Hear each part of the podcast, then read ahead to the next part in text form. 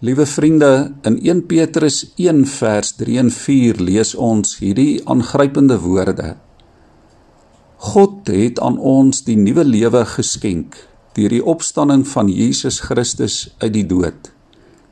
Nou het ons 'n lewende hoop op die onverganklike, onbesmette en onverwelklike erfenis wat in die hemel vir ons in bewaring gehou word aan die kruis op Golgotha en in die dae daarna het daar iets aangrypend gebeur. Iets wat die betekenis van die kruis vir altyd sou verander. Voor Golgotha was die kruis 'n simbool van lyding, van vernedering, van dood. Maar na Golgotha word dit 'n teken van oorwinning, 'n teken van nuwe lewe, en van hoop. Die kruis sê dat God 'n plan gemaak het om mense te red. 'n Ewigheidsplan. Die dood sou nie meer die laaste sê hê nie. Siekte sou nie meer die laaste sê hê nie. Hartseer en swaar kry en menslike foute en swakheid sou nie meer die laaste sê hê nie. Die kruis van Christus sê ons het 'n onverganklike, onbesmette, onverwelklike erfenis by God in die hemel.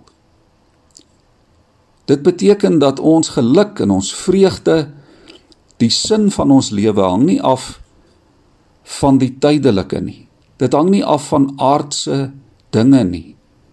Dit hang nie af van dit wat ons al aangewoond is of van dit wat elke dag noodwendig deel is van ons lewe nie. Want dis alles goed wat verbygaan, dit hou nie vir altyd nie.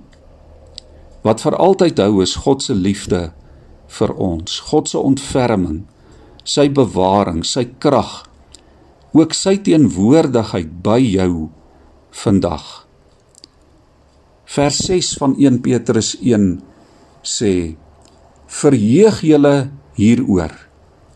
Selfs al is dit nodig dat jy 'n kort tydjie bedroef gemaak word deur allerlei beproewings sodat die egtheid van julle geloof getoets kan word.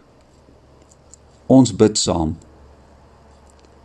Here, ons kyk vandag verder as hierdie wêreld. Ons kyk verder as die tydelike. Ons kyk verder as nuusberigte en inperkings en elendes.